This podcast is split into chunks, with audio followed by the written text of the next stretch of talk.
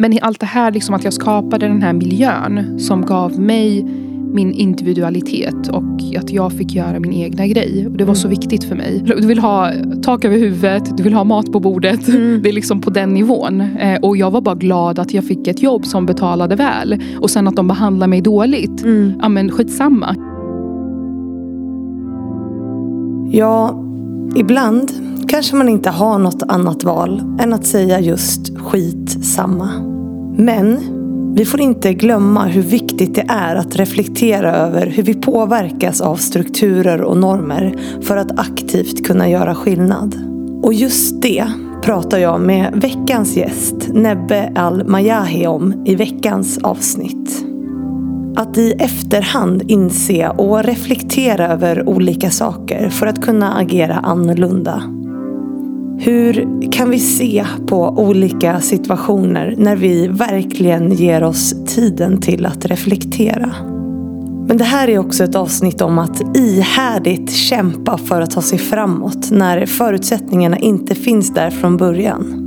Och att lyfta blicken för att skapa något som på riktigt inkluderar. För det är precis vad Nebbe gjort, vilket jag själv tycker är sjukt häftigt. Och innan vi drar igång avsnittet ska jag precis som vanligt tacka Excitec som fortsätter sponsra podden och därför också gör att jag kan fortsätta producera den. Så tusen tack för det, Excitec. Men nu, kära lyssnare, precis som vanligt, rätta till lurarna och dra upp volymen. För här kommer ett avsnitt med Nebbe Al-Mayahi.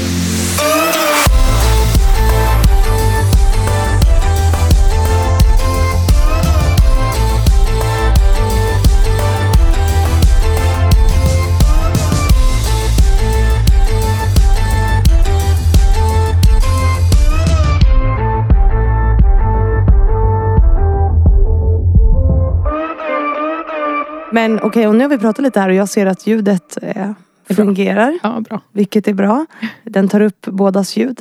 Eh, så jag tänker att vi kör igång. Ja, det låter bra. Eh, och säger hej och varmt välkommen till Nebbe Al-Mayahi. Säger jag rätt? Ja, du säger rätt. Ja. Helt rätt. Ja, vad bra. jag, jag, jag, För- mina lyssnare är så vana vid att jag frågar det.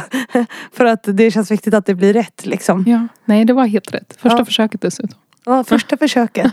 Är du imponerad? Ja, Otroligt. Det brukar inte bli rätt första Det gången. brukar inte bli Nej. det. Nej, Nej men jag, jag har tränat. Ja, det är bra. Det är bra. Varmt välkommen hit. Tack snälla. Du och jag sågs ju första gången, eller vi har ju, det här är första gången vi ses i verkliga livet. Ja. Men vi var ju med tillsammans på ett, ett, vad ska man kalla det, event eller seminarium eller något sånt med Almi ju.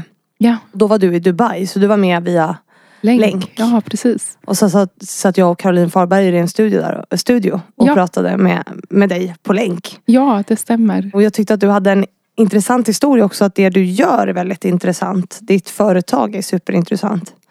Men jag tänker att det är inte där vi ska börja. Nej. Nej, det är det inte. Eh, för jag tänker att du kommer få börja, precis som alla andra gäster som kommer hit, med att presentera dig själv. Vem du är. Så jag tänker att jag lämnar över till dig direkt så får du berätta, vem är Nebbe? Ja, tack Fanny. Jättekul att vara här. Mm. Verkligen. Och tack för eh, plattformen och, och att jag får dela min historia med eh, dina lyssnare. Eh, jättespännande. Jo, vem jag är.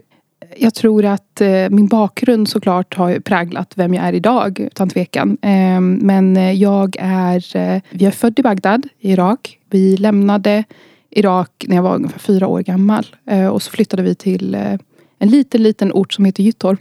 Mm. Gyttorp. Ja, utanför jag- Nora. Fast jag känner faktiskt igen det. Nora, ja, där är, därifrån är mina kusiner. Ja, fortsätt. Ja, Där hamnade vi som enda invandrarfamiljen i ganska lång radie. Men eh, vi hamnade i en jättefin liten eh, by, eh, måste jag ändå säga att det är. ja. Och eh, vi- kom, jag tror att det var november eller december som vi kom till Sverige. Eh, pappa hade kommit innan oss. Var det snö då? Eller Det var det- snö. Det var ju första gången vi såg snö. Ja, Det var ju, det var ju magiskt. Ja. Vi har ju bilder från, från den tiden. Eh, Du vet, vi bara slängde oss rakt ut på snön. Eh, Det var, just, det var fantastiskt. Eh, Det var, och du vet, förr i tiden tycker jag inte att det var mer snö. Och det var det verkligen. Det var liksom en meter snö på, på, på vägarna. Och, eh, och så fick vi fira jul första gången. Eh, aldrig upplevt en jul. Eh, visste inte vad jultomte var. Nej. Så, och det gjorde vi på förr i tiden. Jag vet inte, det, här, det kanske inte finns lika, lika starkt längre i, i, ute i samhällena. Men vi hamnade med Svenska kyrkan. Så att vi blev, det, det var liksom Migrationsverket kanske inte nådde ut ända ut i Gyttorp.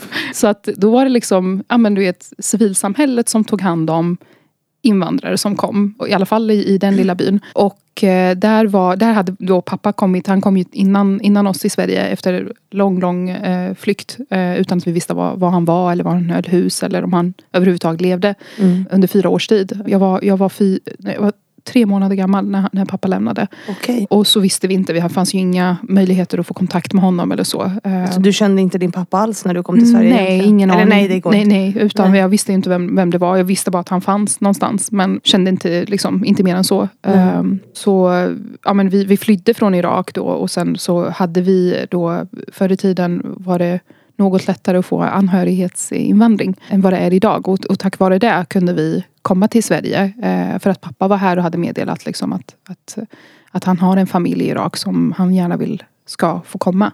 Mm. Så att det dröjde några månader till och så fick vi komma till Sverige. Så vi var ja, vi besparade skulle jag säga den, den hemska flyktvägen eh, som det faktiskt innebär för väldigt många flyktingar. Ni fick liksom flyga? Ja, vi fick flyga. Vi ja. flög från Damaskus. Vi flydde från Irak till Jordanien, till svenska ambassaden där.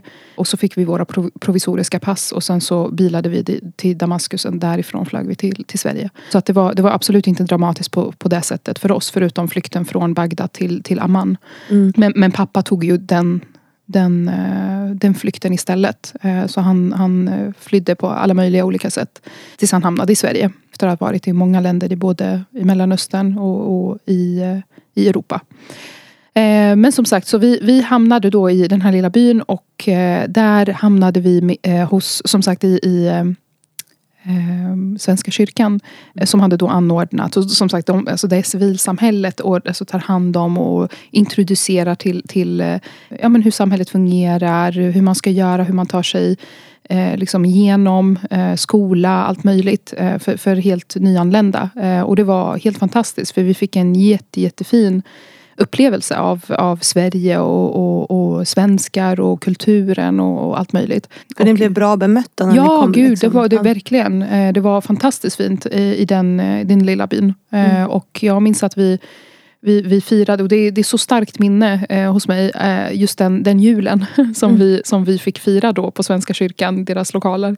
Eh, och då var det en jultomte som var där och så, så lekte vi lekar och vi fick julklappar och jag har fortfarande kvar, jag fick en en, en hund, eh, gosedjur, eh, som jag fortfarande har kvar. Ja, okej okay, vad eh, fint. Så att den, ja fantastiskt fina minnen. Och otroligt fint och jättefin tid, första tid i, i Sverige.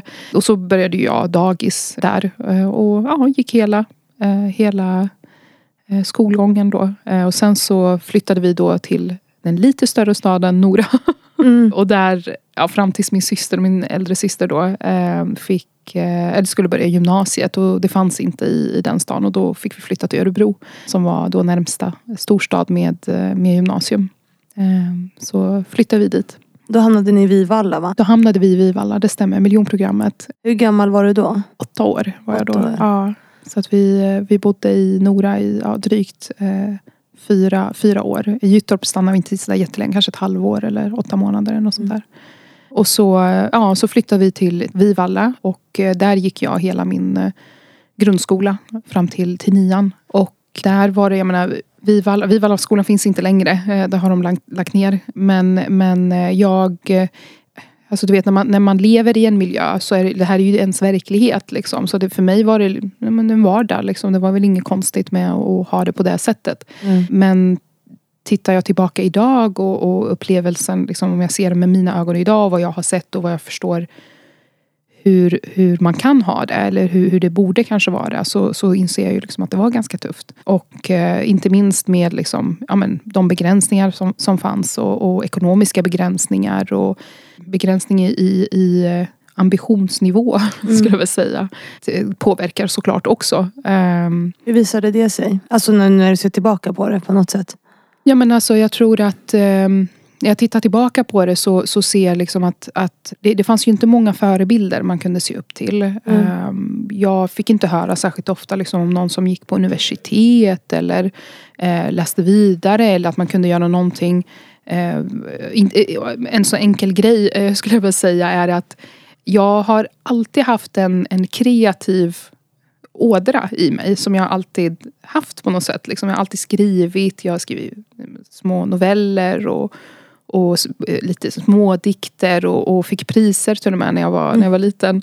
Jag vet inte hur bra de var. Eller jo, de var faktiskt ganska bra. Måste du fick säga. ju priser så någonting måste ja, du... något måste de ju Ja men det fick jag faktiskt. Jag fick, ja. jag fick det från, ja men vi hade någon, någon tävling i skolan så fick jag det. Men det jag, det jag ville säga var att jag förstod ju inte överhuvudtaget att det fanns en, en väg att gå. Alltså att det fanns ett yrkesval att gå den vägen, en kreativ väg. För en som är från en invandrarfamilj så finns det ganska strikta linjer på vad man ska göra om man överhuvudtaget fortsätter. Mm. Och det viktigaste är väl, i alla fall för en arabfamilj ska jag säga, är väl att, tjäna pengar. Eh, du ska ha liksom ett yrke där du kan tjäna pengar. Sen vad du väljer att göra det är kanske inte lika strikt. Det finns andra kulturer som har mycket mer strikt med skolan. Men mm. ska vi säga, utan att generalisera såklart, men i min familj var det så. Ja, men du ska kunna göra dig ett, ett bra levebröd liksom, så att du klarar dig. Så att du inte blir en börda och, och, och kan klara dig själv. Men ja, ett exempel liksom, på, på att det fanns inte den inspirationen. Liksom, att, att man vilka vägar, så att allt var öppet för dig. Du kan göra precis vad du vill.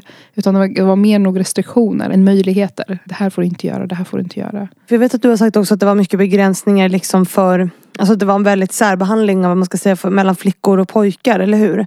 Och det var också en fråga från min sponsor Excitec, mm. alltså hur du såg det och vad var det för typ av begränsningar som var? Mm. Ja, alltså jag tror att de begränsningar som finns, ska vi säga, de är väl mer kulturella i så fall. Alltså i, i den subkulturen jag är uppvuxen i mm. har du ju stora skillnader mellan pojkar och, och, flickor och sättet man får växa upp, hur man uppfostrar flickor och hur man uppfostrar pojkar. Helt mm. olika och fortfarande väldigt, väldigt olika. Och det har ju inte med Vivalla att göra och inte liksom överhuvudtaget med Sverige att göra utan det är verkligen subkulturen. Och där är det, trots att jag ändå växer upp med en relativt öppen familj på det sättet. Vi är traditionella. Praktiser, mina föräldrar är båda praktiserande muslimer. Mm. Eh, jag ser mig själv som muslim.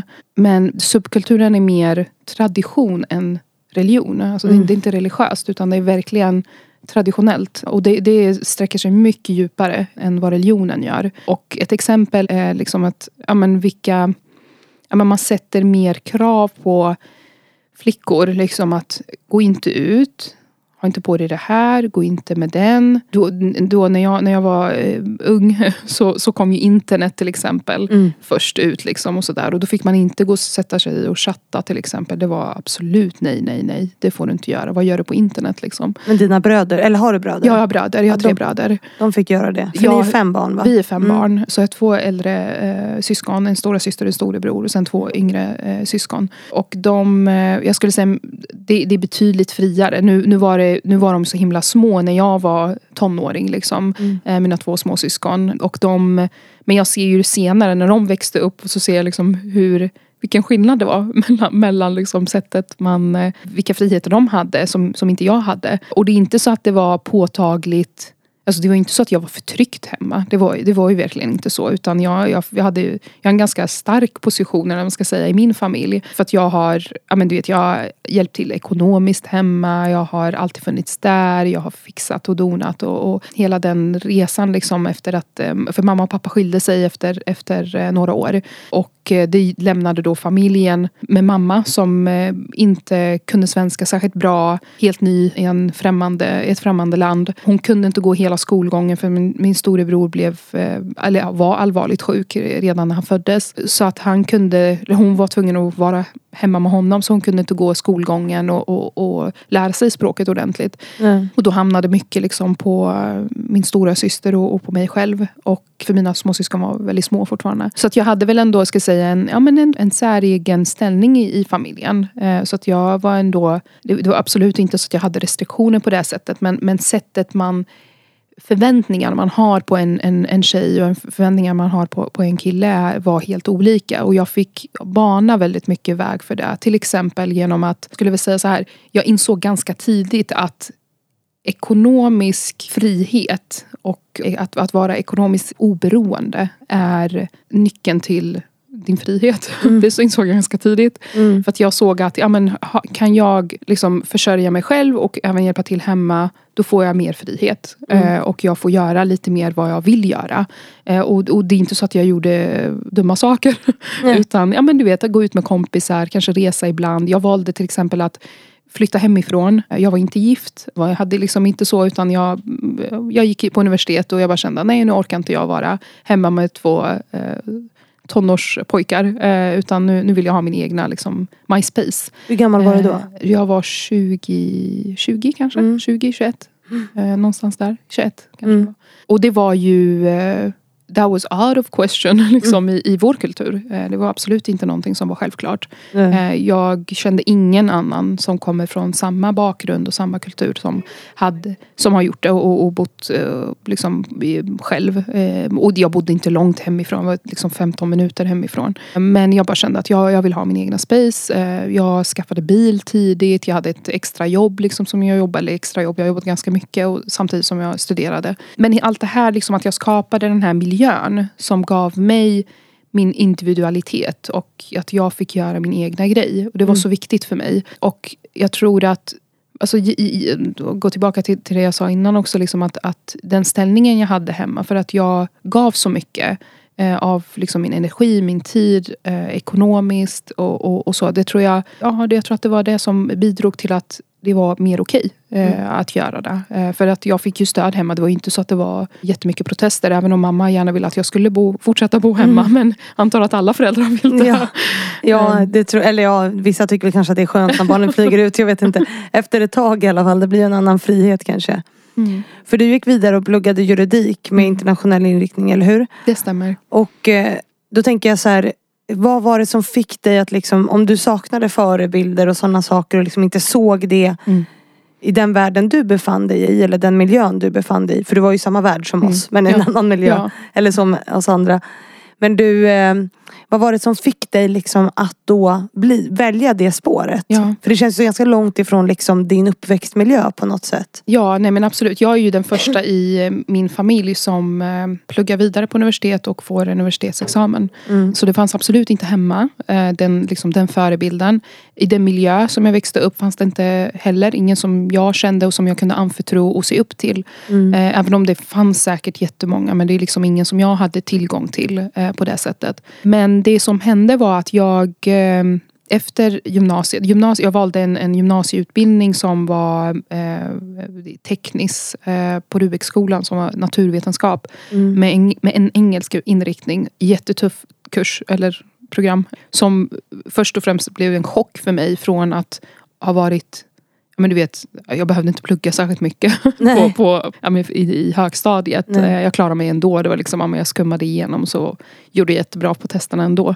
Eh, men sen när jag, när jag kom till eh, gymnasiet så hamnade jag med superduktiga studenter. Med liksom, ja, men du vet, föräldrar som arkitekter och ingenjörer och lärare. Och, mm. och som har gått typ studieteknik på sommarlovet. Ja, ja men du vet, så här. Och så kommer jag där så här har inte liksom, vadå studieteknik? Ja precis, vad är det för något liksom? Ja, men du har ja. ingen aning, vet du, jag bara tittar på mindmaps. Ja. bara, what? vad är det som händer? Ja. ja men du vet, det, var, det, var, det var en jättechock för mig och ja. gymnasietiden var så tuff för mig. Alltså den var väldigt tuff. Mycket tuffare än universitetet. Jag kämpade mig igenom det. Jag kanske borde bytt eh, för att det var, det var för tufft faktiskt. Men I'm stubborn liksom. Jag, jag ger mig inte. Så att jag bara, nej, jag ska, gå, jag ska ta mig igenom det här. Um, vilket jag gjorde till slut men, men det var väldigt väldigt tufft. Och um, uh, sen just för att uh, gymnasiet var så tufft så var jag tvungen att ta ett sabbatsår. Uh, mm. För att jag orkade inte. det var också för att det var Liksom, vi, vi, hade det tufft hemma både ekonomiskt och, och sjukdomar. Som gjorde att jag, jag kunde inte fokusera på, på någon skola. och jag behövde skaffa pengar faktiskt mm. rent ut sagt. Och jag eh, valde då att ta ett sabbatsår och söka jobb. Eh, och det, var, det här var liksom våren innan eh, sommar. Alltså, du vet, det, det var helt, jag var jättesent ute. Mm. Men, men jag tänkte bara, var, var kan de var finns det jobb liksom? Vem, vem, söker jobb hela tiden? Ja men lager, de behöver väl alltid jobb. Eh, och då googlade jag liksom, var finns närmsta lagret hemifrån. eh, och då var det något, något lager eh, ute i Marieberg eh, som jag då bara ringde till ja, typ HR-chefen och de bara Va? Mm. Vem är du liksom? Ja. De bara, det här, ansökningstiden var i februari. Man bara what? Ja. ja eh, men, men då var han vänlig nog och, och sa att ja, men kolla med ett bemanningsföretag så gav han mig ett namn, inget telefonnummer.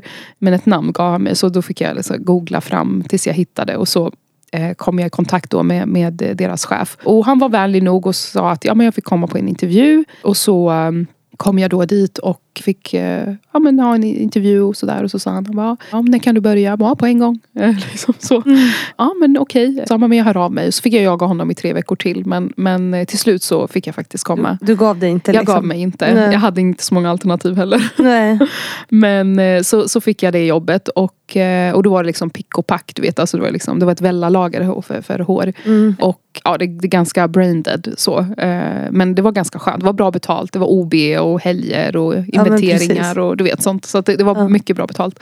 I alla fall för, för en som är helt ny examinerad från gymnasiet utan, utan några som helst ekonomiska eh, ekonomiskt stöd. Nej, precis. Eh, så att, eh, nej men så hamnade jag där och sen så slutade med då, eller jag började som pick och pack men sen så avancerade jag ganska så fort till att bli controller vad det nu hette. Du vet, ta hand om, du vet, göra sample test och se om man har plockat rätt och sen så mm blev jag eh, teamleader för eh, mitt skift då. Eh, och då hade jag, jag var, jag var 19 år då.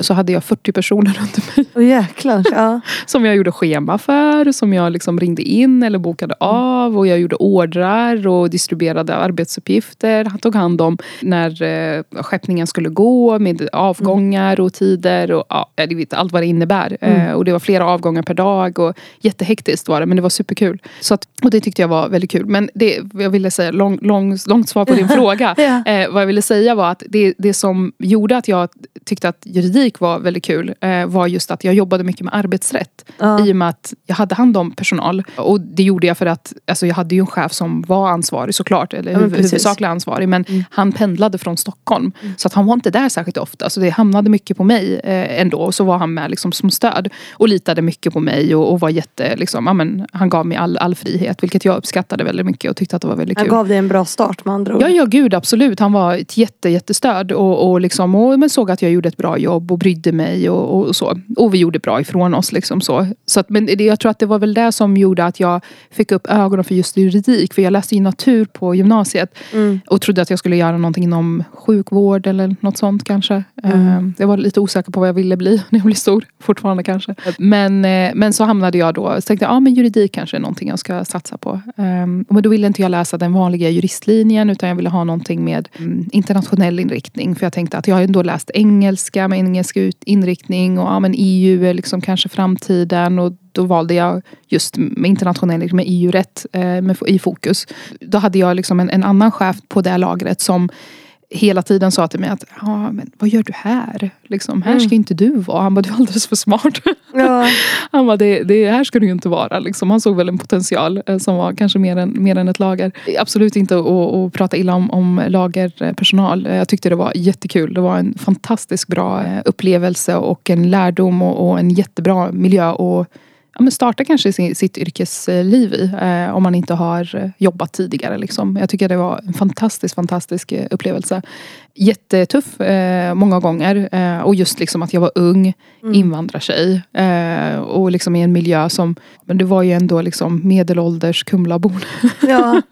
Hur var de mot dig då? Var det... Det var Ja, det var tufft faktiskt. Ja. Det var väldigt tufft. Hade inte jag haft stödet från eh, mina chefer så tror inte jag hade pallat faktiskt. det var, jag kan, bara mina fördomar säger ju att det kanske var lite sexistiskt och lite så här lilla gumman Ja, Ska eller, du komma här och bestämma eller? Ja, ja, nej det var faktiskt inte så mycket sexistiskt. Snarare det var väldigt mycket diskriminerande på grund av liksom min, min bakgrund. Eh, mm. väldigt mycket. Ja, men var just en invandrartjej att jag var ung. Hade inte jobbat heller särskilt länge. Jag hade mm. ju typ jobbat kanske ett halvår eller åtta månader. Och, sånt där. och sen blev jag chef eh, över dem. Och de är liksom äldre, har jobbat där många år. Och liksom, ja, eh, jag vet inte om de hade, någonsin hade ambitionen av att, att bli något mer än, än att plocka och packa. Ja, jag vet inte, jag, jag tog väl för mig. Eh, så. Och sen för att jag tyckte att det var, det var tråkigt att plocka och packa bara. Men hur stöttade dina chefer dig att hantera det då? Alltså vad gjorde de som... Jag tror, alltså, stötta, eller jag tror att de stöttade mig individuellt. Mm. Eh, inte så mycket i grupp, kan inte jag minnas i alla fall. Eh, eller jo, det blir ju det eh, indirekt såklart. Alltså de är ju där, ja men nu är det som bestämmer här, eh, Mm. more or less. Sen var det vissa konflikter som de tog tillsammans med mig. Eh, men i övrigt så eh, tror jag, det är inte för att de inte ville stötta utan det var nog jag som inte bad om hjälp.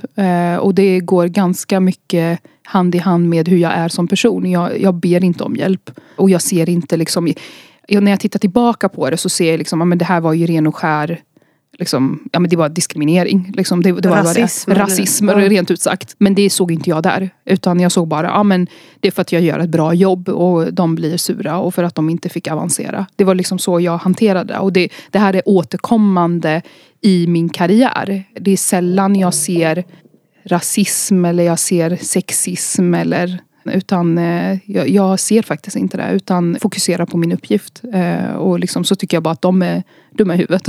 less.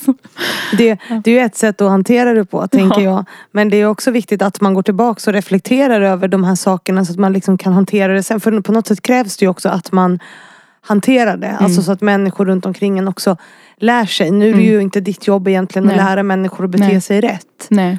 Men, men jag tänker att det liksom är så djupt rotat i strukturer och normer Ja. hur vi beter oss. Att så här, Att vi måste uppmärksamma människor om det.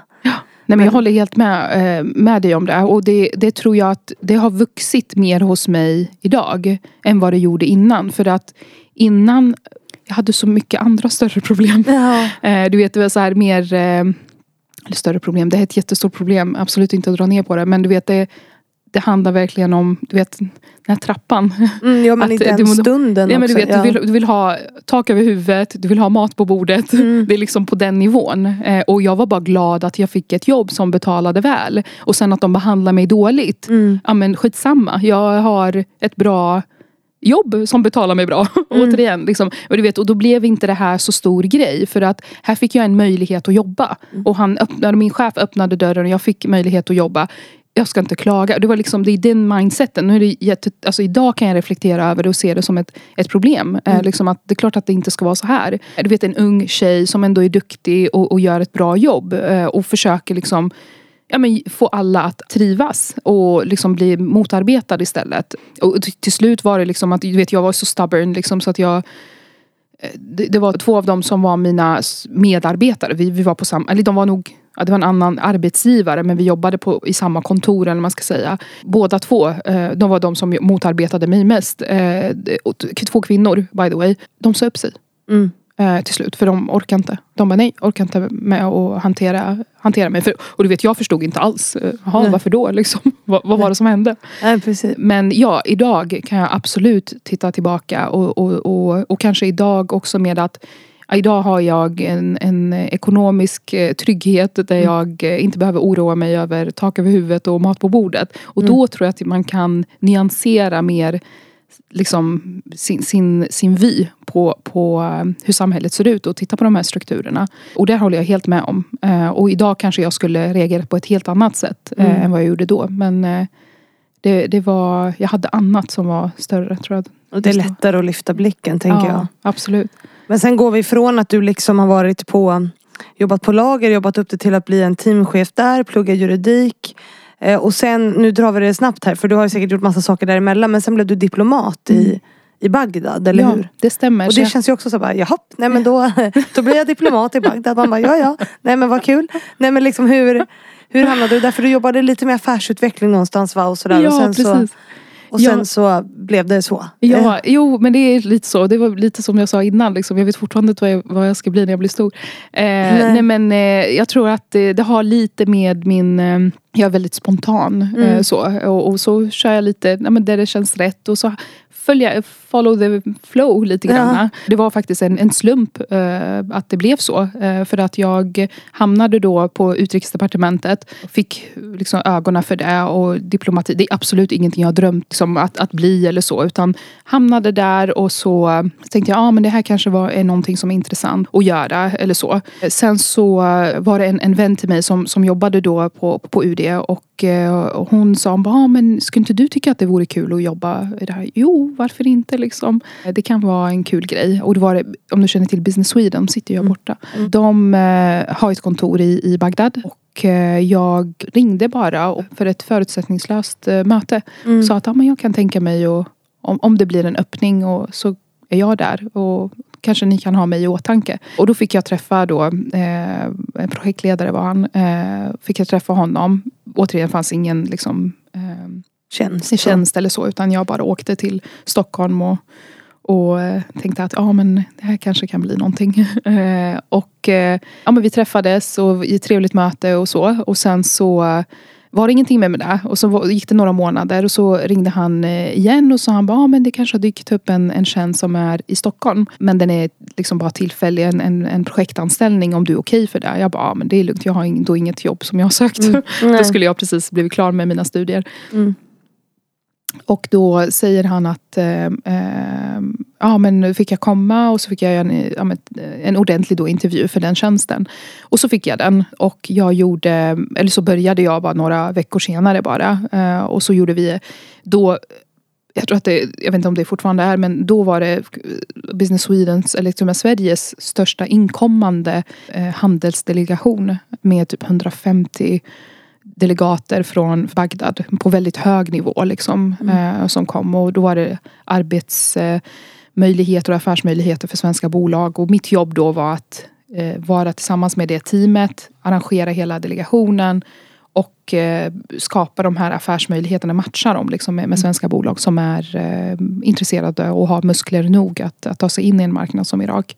Eh, och det här var 2012 så att det var liksom fortfarande en krigszon. Så det var verkligen bolag som jobbar just med infrastruktur för att återbygga landet. Och sen så var, när det projektet var över efter tre månader så fick jag en, en förlängning och då var det fick jag, tror att jag fick välja mellan Bagdad eller Saudi. Mm. eh, och då sa jag, ja men Bagdad låter ändå lite närmare hjärtat. Eh, mm. Så eh, då fick jag åka eh, 2012 då till, till Bagdad. Eh, och så jobbade jag där ja, nästan två år i, i Bagdad eh, på svenska ambassaden. Mm. Eh, tillsammans med, med personalen eh, där också. Andra diplomater och ambassadören och, och, så. Fantastisk upplevelse. Väldigt tuff. Jag var 24 år. Och det var en, alltså det är ju en krigszon.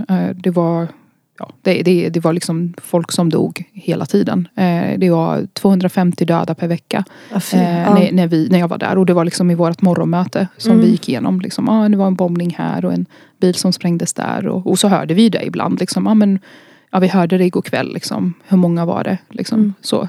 För att svenska ambassaden var inte i i den internationella zonen utan vi, svenska ambassaden utanför så vi är mitt i stan egentligen. Men då var det, det ett inhägnat område Eh, där vi hade liksom soldater som var utstationerade mm. eh, som vakter. Och så hade vi livvakter och så rörde vi oss med bepansrade vagnar och skyddsvästar och hjälmar och allt eh, vad det innebär. Alltså helt overkligt men ändå ja. en så upplevelse som du aldrig kommer glömma. Alltså det är ju... Nej, verkligen inte. Och det var, och där återigen liksom att det här var ju min verklighet.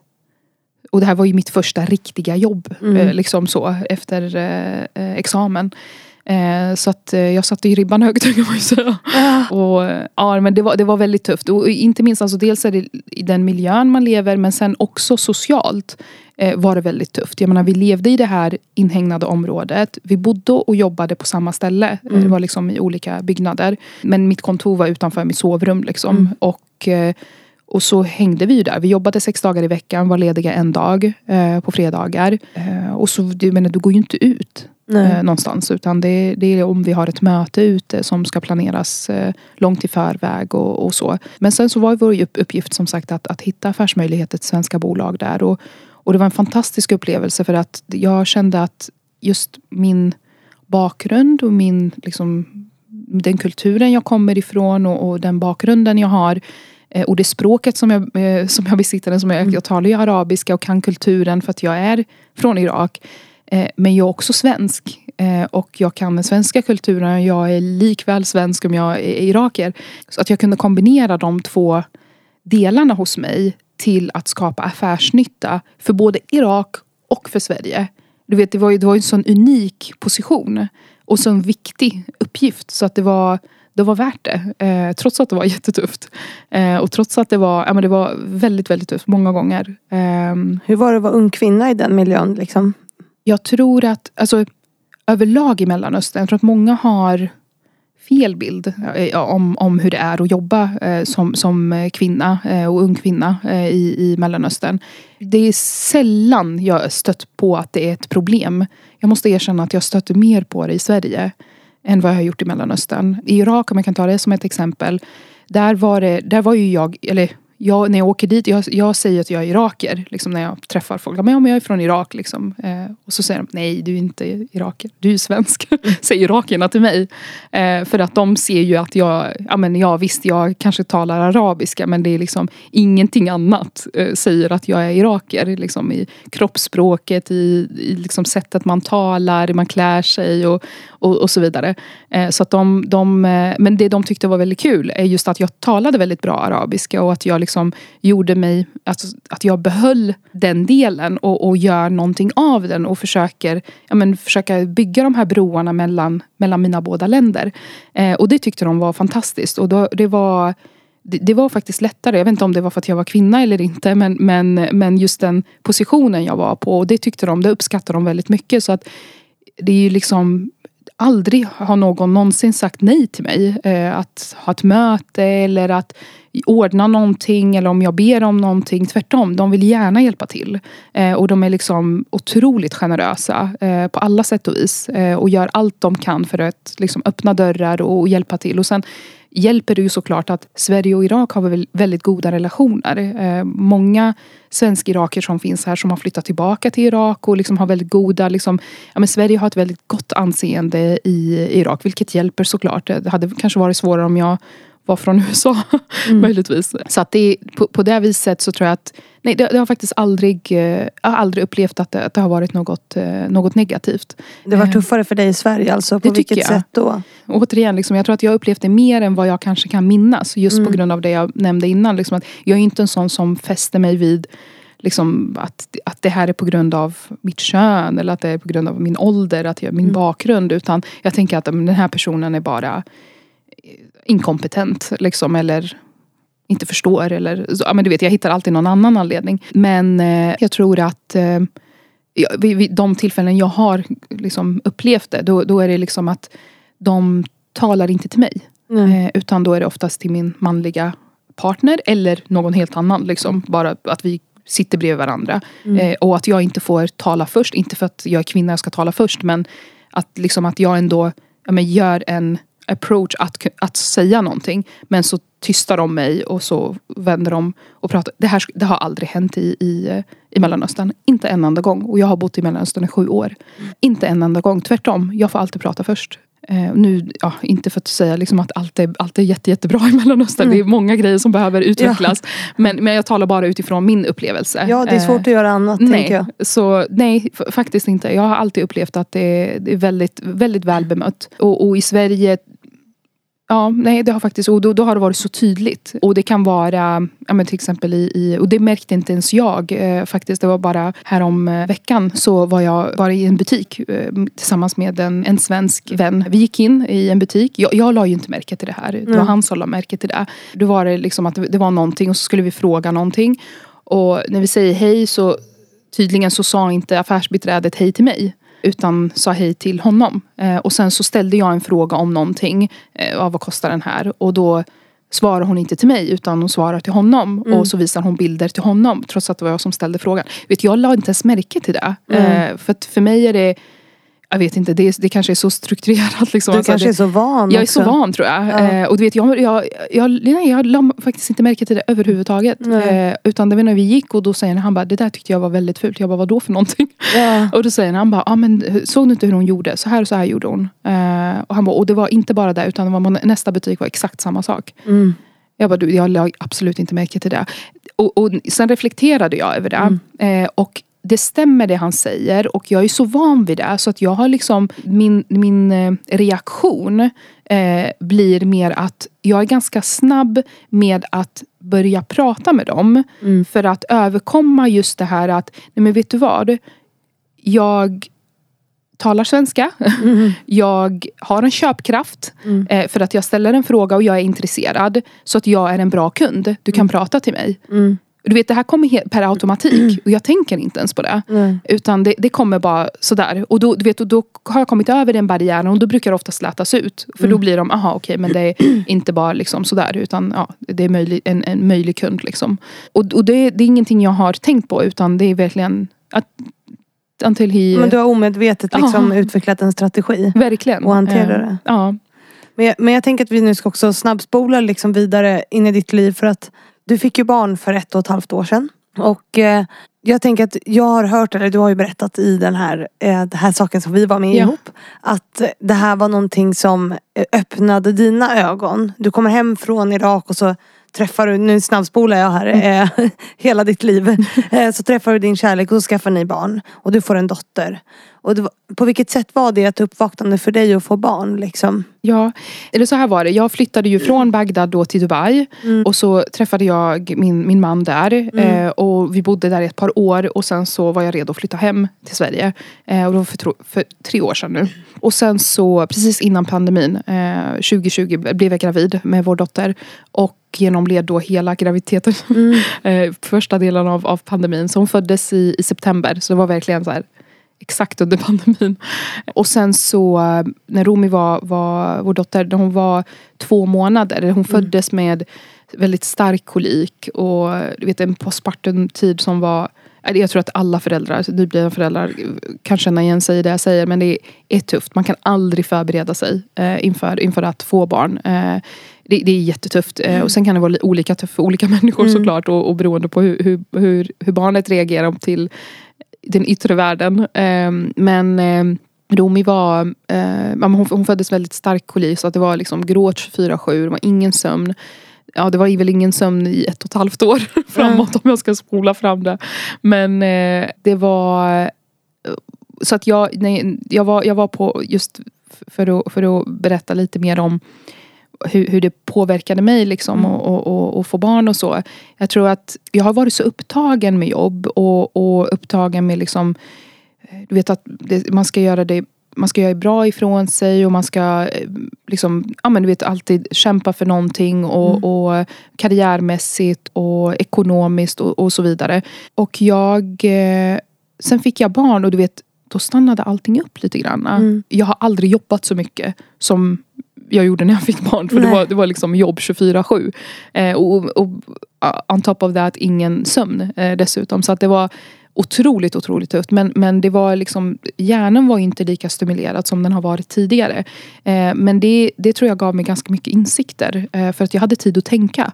Eh, och då inte på jobb. Nej. Eh, utan på livet, på henne, hennes framtid. Hur ser vår värld ut? Vad är det för värld hon kommer växa upp i? Vad lämnar vi efter oss? Så vet jag, alla de här grejerna som jag tror många, kanske ungdomar tänker på idag. Men jag tror att jag har kommit över den åldern. Så att jag tänker kanske inte så mycket på det. Nej. Men just det här med att, att få barn och, och de är så sköra. Du vet, alltså det är så här, man är ju så rädd om dem och det, det tror jag alla föräldrar känner för sina barn. Och jag tror att det, det är kanske också en del av, av varför, det, varför Tain blev till eh, också. Eh, för att jag, jag var då på, på ICA en dag eh, och handlade och så ser jag den här eh, mannen som jobbar, jobbar där i matbutiken och eh, han, han hade då det här plåstret på, på pannan som var, han var mörkhyad och så var plåstret i en ljus bärsfärg. Eh, och, så, och så hade jag Romi då på, på bröstet och försökte vagga henne för att hon skulle sova i alla fall 30 minuter. och så tittade jag på honom och, du vet, och jag var helt i, i mina tankar liksom, och tänkte om, om livet och, och allt vad det är. Och, du vet, och man är ju lite så här Jag vet inte, men- du men det är jag kan bara här, tänka mig, ja. det är Super, super tufft. Och jag, titt, jag tittar på, på honom och så tänker jag, men gud varför, va, varför är inte det här plåstret anpassat till hans hudton? Nej. Eh, liksom, du vet, det, var, det var så här, what? Va, varför, varför finns inte det här? Han jobbar ju här, han borde ju hitta det här. Mm. Och då eh, började jag tänka, du vet, det blev, allt började liksom, vet, he- hela min hjärna började så här, eh, koka nästan. Ja. Eh, för att jag tänkte att nej men, okej, finns det andra grejer som inte heller är anpassade till, till det samhället vi lever i och den mångfalden vi har? Eh, och varför ska det vara så här? För Taint är bolaget som du har startat nu Ja. så att folk vet det. Ja, precis. Så Ja. då, då, och det var ju det som var egentligen starten till, till Taint. Som vi startade då för, för drygt ett år sedan. Eh, för jag kom hem och började googla och, och kollade om det fanns sådana plåster att få tag på. Och det fanns inte i Sverige. Väldigt få eh, liksom i USA och någon, någon i, i Storbritannien. Alltså du vet, det var liksom, du, du var ju tvungen att googla ordentligt för att hitta det. Det var ingenting som, ska, som finns överallt. Liksom. Det är faktiskt helt sinnessjukt. Ja men det är ju sjukt. Eh, det är faktiskt är helt eh, galet Ja. att det inte finns det. Nej men det, det känns som att det är en sån självklar grej och det här borde bara finnas. Eh, och jag eh, och sen också den, den, den personen jag är. Också gå tillbaka till liksom att jag, jag vill ju lösa grejer. Eh, jag, vet, jag är ju en sån som, ja men du vet jag går och jag löser och jag eh, fixar. Och så tänkte jag bara nej men om inte det finns då ska jag fixa det. Eh, jag ska inte vänta på någon annan. Och, eller klaga, det gör jag ju sällan. Liksom. Det, jag klagar inte så mycket. Nej. Utan eh, jag pitchade idén till, till mina nu eh, två medgrundare. Och sa ja ah, men jag har en affärsidé. Och det är inte plåster vi ska göra. Utan eh, vi ska designa inkluderande och hållbara produkter för ett samhälle av mångfald. Mm. Eh, vår första produkt är plåster. Men vi kommer göra andra konsumentprodukter som inte heller är anpassade till det samhället vi lever i. Mm. Och då var det liksom att vi börjar med plåstren. Low hanging fruit skulle jag säga. Low risk, high reward. Eh, och så får vi känna av marknaden och se liksom, är den redo? Är det liksom någonting som, som marknaden vill ta, vill ha? Är konsumenterna redo? Är återförsäljare redo att ta in det här? Eh, för det är helt självfinansierat fram tills nu. Eh, eller fortfarande eh, självfinansierat. Och då ville vi testa först och se. Ehm, Och vad hände då? Så vad, hur reagerade marknaden? Jag tänker, Ja. för du har pitchat in det här till typ Meds och... Ja precis, vi lanserade ju tillsammans med Meds apotek. Och eh, vi, vi, jag kommer ihåg att vi, vi eh, bjöd in deras VD Björn eh, till vår lilla vårt, det inte, inte så vårt kontor, vi lånade det. Eller lånade, vi tog över det från några. Ja. En, en källar, källarvåning. Ehm, och så visade vi honom idén och pitchade den. Han var vänlig nog och, och kom. Och du vet, han tyckte det var jätteroligt. Du vet, kom han bara, jag älskar den här delen av startup. Ja. Han var så vänlig. Han bara, det här är den bästa, bästa delen. Liksom. Och vi valde faktiskt Meds eh, liksom strategiskt just för att ja, men de är unga. De är fortfarande, ja, men inte startup längre såklart, men, men de är unga ändå och, och agila och moderna och du vet, och, och jobbar mycket med inkludering. Och vi kände att ja, men de tror vi blir en bra partner att göra det här tillsammans med. För vi är för små liksom, att kunna lansera en sån produkt och nå ut. Eh, utan vi behöver en plattform som ja, men kan nå ut till fler personer. För det här måste ju nå ut till, till människor. Eh, och då, ja, men vi pitchade som sagt idén till, till Björn och han tyckte att det var, ja men det är klart vi ska göra det här tillsammans. Eh, och då satte han oss i kontakt med, med hans team och eh, så fick vi göra lanseringen eh, tillsammans. Och den, vi lanserade tillsammans i 15 november Mm. förra året. Så har vi funnits i ett halvår, lite mer än ett halvår nu. Eh, och eh, reaktionerna var över all förväntan. Eh, vi sålde slut på bara några dagar på, på Meds. Eh, och eh, de köpte igen. Eh, och sen eh, så kort därefter eh, följde Apotea, köpte in den också. Och kort därefter var Apohem, Apoteket Hjärtat. Gud nu glömmer jag säkert några fler. Ja. Men, men vi, vi finns i alla, alla apotek, online-apotek. Ehm, Och, eh, och från vår hemsida också. Folk som köper liksom som, som har hittat till oss därifrån. Och det har varit fantastiska reaktioner och inte bara då från eh, kunder och, och återförsäljare eh, utan även från media eh, och sociala medier. Det har varit liksom jätte, alltså det är ju liksom folk som hör av sig till mig och vill ha intervjuer och vill feature that och, och visa liksom, och de säger att ja, men det finns ett nyhetsvärde i det här och det är viktigt att få ta upp det här och just inkludering och mångfald och, och så är, är viktiga viktiga ämnen att ta upp. Eh, och det är återigen liksom en, en sån självklar produkt precis som du sa. Liksom att den, det är klart att den måste finnas. Mm. Och så tror jag att ja, men du vet, värdeorden och värdegrunderna vi står på är, är, är viktiga och starka. Eh, och jag tror att det är väl det som folk ja, men de ser liksom att ja, men här finns det någonting att, att, att hämta. Mm. Eh, och inspireras ifrån kanske också. Och, och många av våra kunder, liksom att vi har men det blev ett inbound sales. Alltså de hör av sig till oss och säger man vi vill sälja era produkter. Mm. Och vi vill eh, kan vi köpa in dem liksom? Det är liksom på den nivån. Eh, Vi har ju inte liksom, vi har ingen kapacitet eh, och, och, och alltså, fokusera på försäljning för att ja, men jag har ett annat jobb samtidigt. Mm. och, eh, och, och mina medgrundare också. Eh, Mm. Liksom, vi gör det här på sidan av. Eh, Så att vi har inte lagt 100% av vår tid på det.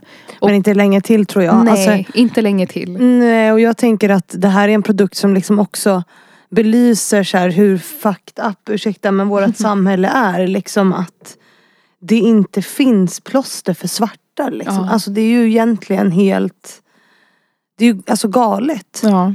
Nej, men det, Jag det, sa det innan men Ja. jag blir helt så här mörkrädd Ja. för det. nej, och, och vet du det är Mm. Och vad vi har fått av de kunder som, som eh, inte velat köpa in.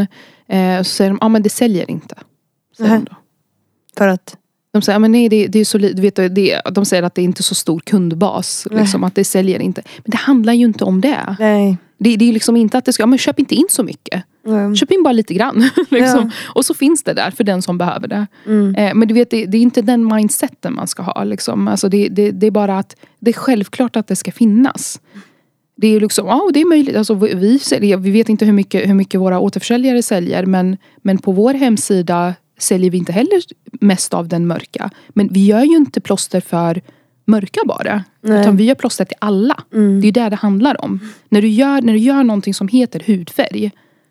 Då ska du göra det till alla. Mm. Det är liksom, that, that's the baseline. Ja, Eh, det ska finnas till alla. Eh, För det heter hudfärg. Det ska Mm. inte finnas någon liksom en norm på vad, vad hudfärg är. Ehm, så att, det- och det, det är precis det här som är viktigt att, att säga. Det spelar ingen roll hur mycket du, du säljer. Det här ska vara en del av core business. Mm. Eh, Det är ju precis som att säga, det, det brukar jag säga ofta, liksom att, att inkludering och, och, och mångfald är vad eh, hållbarhet var, var för 15-20 år sedan. Mm. Att det är, men det, det, det var fortfarande i startgroparna för 15 år sedan men idag är det core, core business. Alltså Mm. alla, alla bolag måste jobba med hållbarhet. Annars kommer inte de klara sig. Nej. Och precis samma sak kommer det vara med inkludering och mångfald.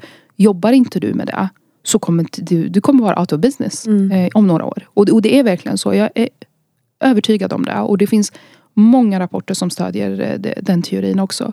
Och just att det är precis som att säga liksom att ah, men det kostar för mycket att vara hållbar. Mm. Men ja, det gör det. ja, men det, det ja, Ja, kanske. men eller i bolagsvärlden. i, i, ja, precis. Men, men i, i långa loppet så kommer du tjäna på det. Jo men det är som vi säger, det kostar mycket och eller att vi inte har budget för Ja. så här, jämställdhet Mm. eller mångfaldsarbete. Att det liksom är någon så här sidobusiness som Ja. man måste jobba med. Alltså, Nej. Det här är ju på något sätt samma statement. Alltså, ska man bara köpa in plåster för vita Mm. eller ska man köpa in plåster som vem som helst kanske? Alltså för mig Ja. är det ett självklart val. Mm. Men det är ju så märkligt att Alltså det blir så intressant för att när det kommer till att köpa in plåster så är det samma sak som att jobba med mångfald i Mm. rekrytering på något Ja. sätt. Mm. Att det, det är liksom samma sak. ja. Men det blir ju på något sätt väldigt, väldigt tydligt när du har en produkt på det Ja, sättet. Precis, och, och det, är, det är precis det här vi, vi brukar prata om, att just om, om eh, inkludering och, och mångfald. ehm, för det är precis som du säger, liksom, Mm. idag hur, hur bolag, många bolag jobbar. Jag brukar se det som en triangel. Att, att man, många bolag som jobbar med, de som jobbar med det, med mångfald och inkludering, jobbar oftast med kommunikation. Mm. Och så jobbar de med rekrytering.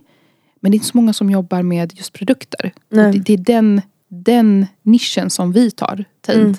Eh, vi jobbar med inkluderande produkter och jag tror att det är du, du behöver alla de tre Mm. för att skapa den här liksom, samhörigheten. Eh, och, och som man brukar säga, liksom, diversity, inclusion and belonging. Eh, liksom att du känner att ja, men du hör hemma här. Det, du är liksom I see you och du finns här och jag caterar för dig. Mm. Eh, och jag tror att ja, men vilket varumärke som helst ska väl känna att ja, men det är klart att jag ska erbjuda till en större kundbas. Why not? Liksom. Även om jag inte säljer jättemycket. Liksom, det, det är fortfarande en kundbas och jag skapar det här. Och jag, vad vill du bygga för varumärke? Vad vill du bygga för... Liksom, vad är din kommunikation gentemot eh, dina kunder? Ja, för i slutändan är det ju frågan, så, vad är viktigast? Är det pengar eller är det, är, eller är det så människor? Även när du säljer produkter. Mm. Nej, men jag, och jag, tror, jag tror också liksom inte bara, alltså jag, jag tror på att just inkludering och mångfald är good business. Ja. Du, du tjänar pengar på det. Mm. Det, det, är liksom, det, det är inte du ska göra det och det är bara en kostnad för dig. Utan det, du, du kan tjäna pengar på det om du gör det på rätt sätt. Mm. Och om du alltså man måste, det får inte bli något sidoprojekt. Precis som du säger, inkludering, mångfald och jämställdhet. Det får inte vara ett sidoprojekt. Att Mm. om jag, lägger, jag avsätter en budget för det här. Det ska vara en del av verksamheten, sitt DNA. Liksom, Att det här är någonting som bara finns med i allt vi gör. Ehm, och det är så vi, vi har byggt Tint. Eh, att det ska, att inkludering och, och, och, och mångfald är en del av vår, vårt DNA. Och vi gör så genom hela vår verksamhet. Och jag kan ta ett exempel. Vi jobbar, vå- våra förpackningar eh, eh, paketeras eller plåstren för, förpackas, eh, eh, viks och förpackas i kriminalvården här i, i Stockholm. Och det är intagna på häktet som, eh, som förpackar dem. Och många brukar ställa frågan, ha men varför då? Liksom. Eh, och jag tror att men just i, vet, när vi tänker på inkludering så tänker jag på inkludering i dess bredare bemärkelse. Det handlar inte bara om hudton, det handlar inte om bara kön, det handlar inte om bara sexuell läggning eller funktionsvariation eller socioekonomisk bakgrund eller religiös bakgrund. Vet, det är så mycket bredare. Och här i, i- det här fallet, varför jag har valt just kriminalvården. Jag tror på att man hjälper människor genom att inkludera dem. Eh, och man ger folk en chans. Man ger dem en sysselsättning, kanske en line i deras eh, CV. Någonting att göra. Och vi... Eh, så vad, och någonting som vi fick lära oss då också är att de, eh, den, den uppgiften då att, att vika de här, det fick eh, de kvinnliga eh, intagna. De har olika avdelningar. Och varför det blev de kvinnliga, det var inte någonting vi valde utan det fick ju arbetsledarna välja. Och det är för att de inte haft en uppgift som har kommit in, alltså en, en, en ny, ett nytt uppdrag på väldigt länge. Och den, den kvinnliga avdelningen är ganska ny på det häktet. Eh, så de har inte haft någon, någon, eh, något uppdrag överhuvudtaget. Och då sa, säger de till oss att Eh, vi är jätteglada, för vi har ett väldigt nära samarbete med dem och, och har uppföljning och ser hur det går och så.